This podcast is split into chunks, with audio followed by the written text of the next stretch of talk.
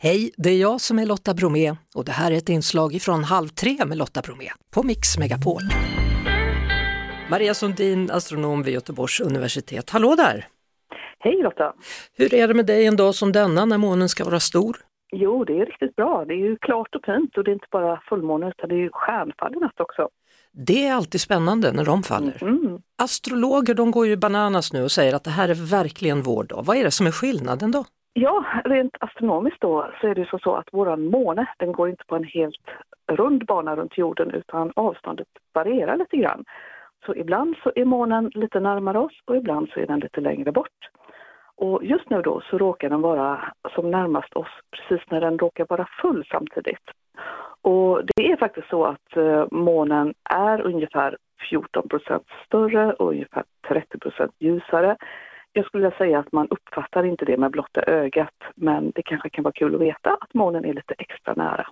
Påverkar det jorden på något sätt? Nu pratar jag inte människor etc. enligt Nej. astrologi utan nu, nu tänker jag mer på tidvatten eller sådana saker. Ja, tidvattnet, det är ju månen som orsakar det. Så att eh, det kan bli extra mycket, alltså det säga extra högt tidvatten och lite extra lågt tidvatten också just när eh, månen är som allra närmast oss.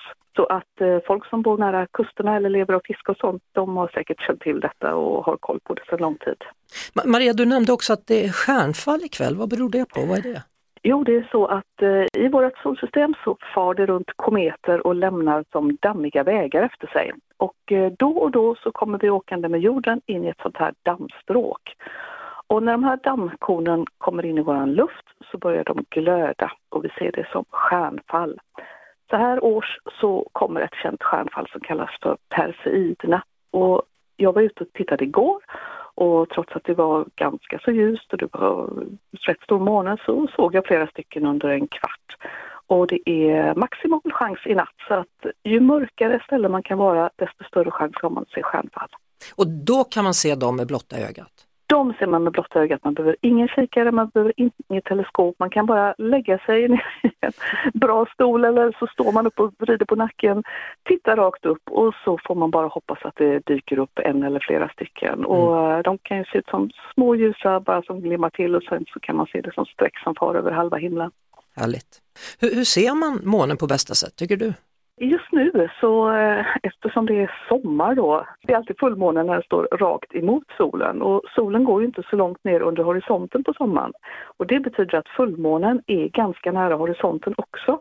Och det gör att den är extra snygg att se under sommaren. Den ligger och sveper ganska nära horisonten. Den går upp ja, en stund innan midnatt. Det är lite olika på olika ställen. Alltid när den är nära horisonten så uppfattar man den som lite extra stor för man har massa saker att jämföra med. Kanske växter, det kan vara träd, det kan vara hus och annat.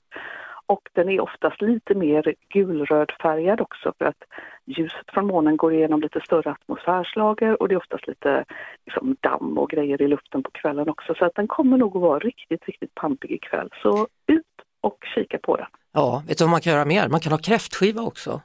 Ja, det kan man ha. Utan sen- lykter.